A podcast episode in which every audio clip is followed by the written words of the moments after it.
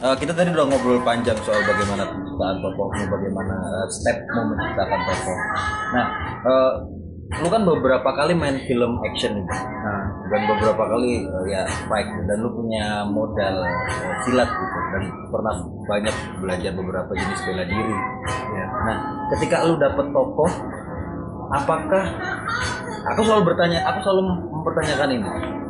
Ketika seseorang dapet tokoh yang harus silat dan tokohnya berbeda-beda, apakah cara silatnya juga disadari harus berbeda? Atau gimana? pasti. Hmm, hmm, karena ada adegan ini preman. Hmm, preman yang nggak pernah be- belajar bela diri gitu. Hmm, pasti kan bela dirinya beda dengan orang yang ini adalah backgroundnya dia belajar silat dari kecil gitu. Hmm, atau dia adalah uh, seorang yang dibully terus tiba-tiba dia harus belajar bela diri. Hmm, bela diri pasti keluarnya beda juga. Hmm, hmm, hmm. Bela diri bela diri yang baru dipelajarin Hmm. misalkan dia hanya modal modal uh, apa namanya? Kemarahan nekat rasa nekat itu kan juga beda juga. Itu bagian part part dari acting juga kan. Hmm, hmm, hmm, buat gue sih namanya bela diri adalah salah satu toolsnya acting juga. Hmm, bisa ngegambarin karakternya seperti apa gitu. Hmm, Ini karakter uh, newbie kah di bela diri? Hmm, karakter ahli bela diri yang udah bertahun-tahun kah gitu. Hmm, atau dia bela diri yang dia menguasai bela diri dari Indonesia dari bela diri dari luar gitu sifatnya seperti apa orang seperti apa gitu hmm, orang yang defensif dia bela diri kayak gimana orang yang agresif bela diri seperti apa Hmm. gerakan tangannya ininya ininya gitu. hmm, semuanya berpengaruh juga gitu hmm. rules juga itu Hmm. Berarti itu hanya eh, bela diri hanya sebatas tools yang kemudian ketika dia dapet tokoh harus juga diciptakan bagaimana cara dia nendang Iya. ketika di- dihubungkan dengan Dihubungkan dengan dimensi karakternya itu tadi. Iya. Itu pun juga sih ada obrolan dengan saudara kan. Hmm. Kalau menurut gue sih bela diri ini, Hmm. misalkan bertolak belakang pun juga ini adalah bela diri agresif tapi orangnya eh, orangnya ofensif, gitu. Ah, ah. eh, orangnya defensif gitu. Ah. Tapi bela dirinya agresif. Hmm. Gimana cara nyatuinnya? Itu gue harus ngobrol sama saudara. Hmm, oke oke oke. Karena gue selalu bertanya ketika seseorang dapat film action gitu, apakah ap- uh, karena yang yang sebatas yang gue lihat, kenapa bentuk bentuk bela dirinya kadang-kadang sama terus ya gitu. Kayak misalnya, uh, Mungkin karena koreografernya sama kan. Ah, itu. Maksudku, apakah itu kemudian jadi kesadaran si aktor untuk bilang sama koreonya bahwa tokohku pak kakinya habis patah waktu kecil Harusnya gitu. begitu. bagaimana aku harus Ya, harusnya nendang begitu. ketika pernah patah gitu. Nah, Hmm. harusnya begitu. Hmm. Bahkan dari bela diri punya sifat juga kan. Hmm. Sifat ofensif, sifat defensif, Hmm. sifat yang apa namanya yang bela diri yang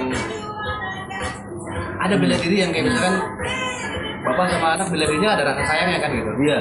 Eh, ada kayak begitu Oke, oke, Terus oke. bela diri antar antar misalkan Ah, rival yang mau saling bunuh-bunuhan itu beda lagi bentuknya gitu Hmm. itu bentuknya harus disesuaikan dengan karakter gitu Hmm, betul. Hmm.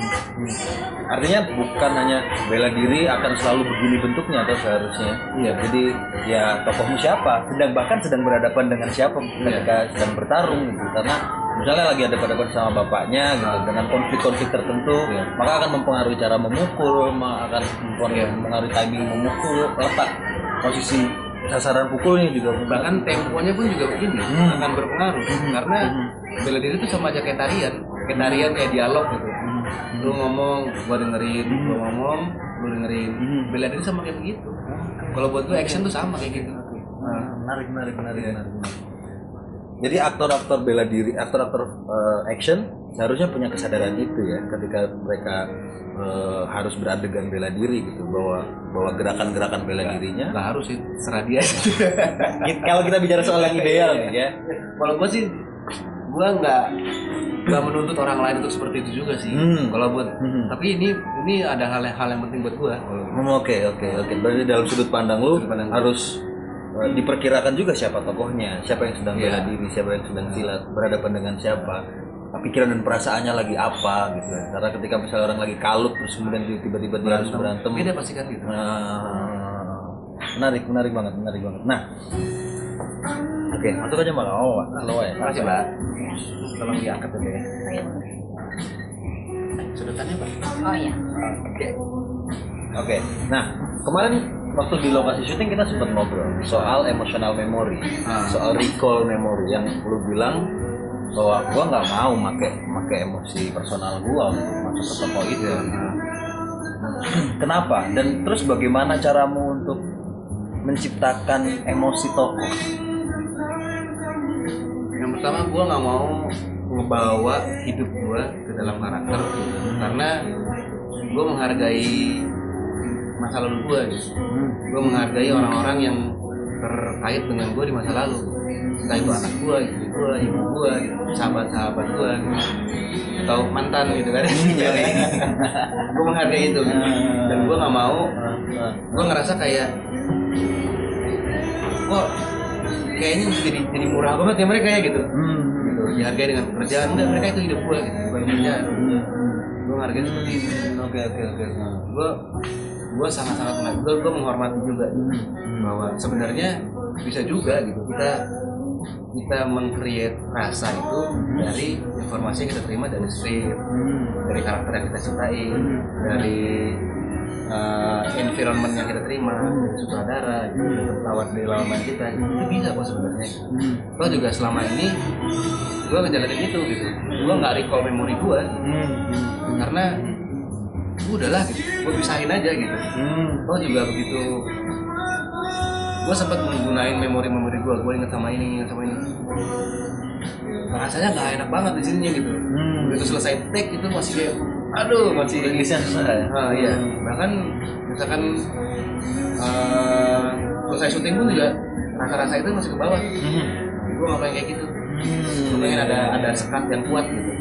Sekatnya apa ya udah kalau itu dari dari awal lu jangan gunain memori lu. Lu pakai memori yang lu ciptain. Lu buat memori yang lu ciptain. Lu buat buat memori, lu buat hidup, lu buat karakter. Ciptain semuanya karakter. Bukan cuma sekedar karakter ya, dunianya di- kita ciptain kepala kita. Hmm. Oh, Oke oke. Jadi yang lu pakai untuk uh, munculin emosi si tokoh adalah data-data yang lu ciptakan dalam kepala lu. Nah, yang kemudian itu jadi trigger untuk uh, emosi-emosi tertentu yang diperlukan di adegan. Pernah ngerasa kesulitan dengan cara itu nggak sih bang? Cara itu. Kalau waktunya kalau sempit ya. Nah kalau kesulitan terus apa yang akhirnya lu lakuin? Apa lu tetap memakai cara itu atau lu kan berpikir cara yang lain? Lu suruh gue nangis tapi cuma dikasih strip ini baru tadi nggak bisa lah gue nangis Oke oke oke oke oke. Ah. terserah lu lah mau gimana gitu kan bro kita Bener, bener. harus ada trigger kan gitu Bener bener. dengan emosi kan tiba-tiba ngobrol tiba-tiba gue nangis gimana gitu Hmm. mungkin ada orang yang bisa kayak gitu cuma gue nggak bisa Hmm. gue kan ngomong gue nggak sanggup Nah. kalau ada yang seperti ini Hmm. baru terima skrip sekarang tiba-tiba gue harus ini oke bro gue nggak bisa bro Iya iya iya iya iya. iya. Eh, Ah. maaf ya maaf ya gitu nggak bisa gitu Ah. gue akan ngomong ya ngomong apa adanya adalah Hmm. kalau nggak bisa gue nggak bisa Hmm. nah, gue nggak akan memaksakan Hmm. Hmm. memaksakan juga ya nggak bisa Iya benar benar benar benar benar benar karena ya eh, kalau pakai cara lu yang tadi otomatis butuh waktu untuk mempersiapkannya kan Iya. bukan yang bisa oke dua menit lagi nangis ya lo tanpa diberikan alasan yang jelas tanpa lu tahu siapa tokohnya tanpa lu punya data-datanya. Oh, Nah, kesulitan kan? Sementara lu bukan tipikal aktor yang aku harus nge-recall atau aku bisa nge-recall memori. Nggak mau lah gue. Nggak mau gitu. Tipikal nggak aktor bisa nggak mau gue. ini ruang kerja gua ini ruang keluarga gua gitu. dia Iya. tidak boleh saling silang satu sama Iya. lain gitu. Bahkan gue create bukan cuma create karakter loh gue create dunia loh di kepala gue oke oke. Nah, untuk sebuah cerita gitu gue create dunianya dia gitu. Hmm, hmm, hmm. ya udah pakai aja lah ini mumpung ada, ada dunia baru di kepala gue pakai lah gitu manfaatin semaksimal mungkin. Hmm, hmm, hmm. menarik tuh karena kamu tahu ketemu sama beberapa teman aktor yang eh, eh, otodidak gitu yang tidak berangkat dari akademi gitu mereka melakukan cara itu gitu. Mereka recall memory bukan salah tentunya karena salah juga. kayak metode itu justru embrionya dari emotional memory bang iya Iya, metode itu embrionya di emotional memory. Cuman embrionya aja, tapi kemudian Lisras kan mengembangkannya. oke Jadi kalau kalau di Stanislavski ya, emotional memory adalah bagian panjang dari pertumbuhannya Stanislavski. Nah, di satu titik Stanislavski itu sendiri bilang bahwa emotional memory itu jangan dipakai atau disarankan untuk tidak dipakai karena bisa men-trigger trauma masa lalumu berefek pada psikologimu. Iya. Dan kemudian yang lu rasain mungkin untuk rilisnya jadi sulit gitu jadi aduh jadi malah malah malah misalnya lu pernah punya penyakit psikis apa gitu malah pantik lagi penyakit itu jadi jadi tidak sembuh gitu. Menarik sih. Nah eh, ketika kita ngobrol kayak gini nih bang gue selalu gue selalu pengen tahu gitu. Lu sering banget pasti ditanyai sama eh, ini ini di luar di luar, di luar keaktoran dikit lah. Eh, lu se- sering ditanya oleh media-media gitu soal film lu bahkan soal kehidupan personal lu gitu. Ketika lu duduk di sini dan ngobrol sama gua sebenarnya hal apa yang paling pengen gua pengen orang nanyain ini nih yang berhubungan soal keaktoran? Apa ya?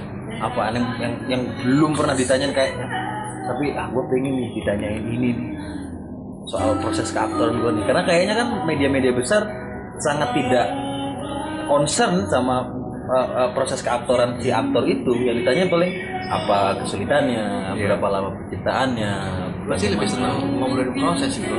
Karena pada saat gue tanya wartawan paling ya cuman gitu aja kan. Gitu. Hmm, hmm. kalau diskusi uh, ngobrolan kayak begini nih ya keadaan seperti ini sih sebenarnya yang yang gue pengen ngomongin gitu. Hmm, nyari teman untuk bisa ngobrol gitu. paling kan sama sama pemain kan paling. Hmm, hmm, hmm, yang bisa ngobrol kayak begini gitu. Hmm, kalau sama wartawan ya, ya karena mereka hidupnya bukan di situ. Hmm, hmm, mereka nggak akan nanya kayak gini.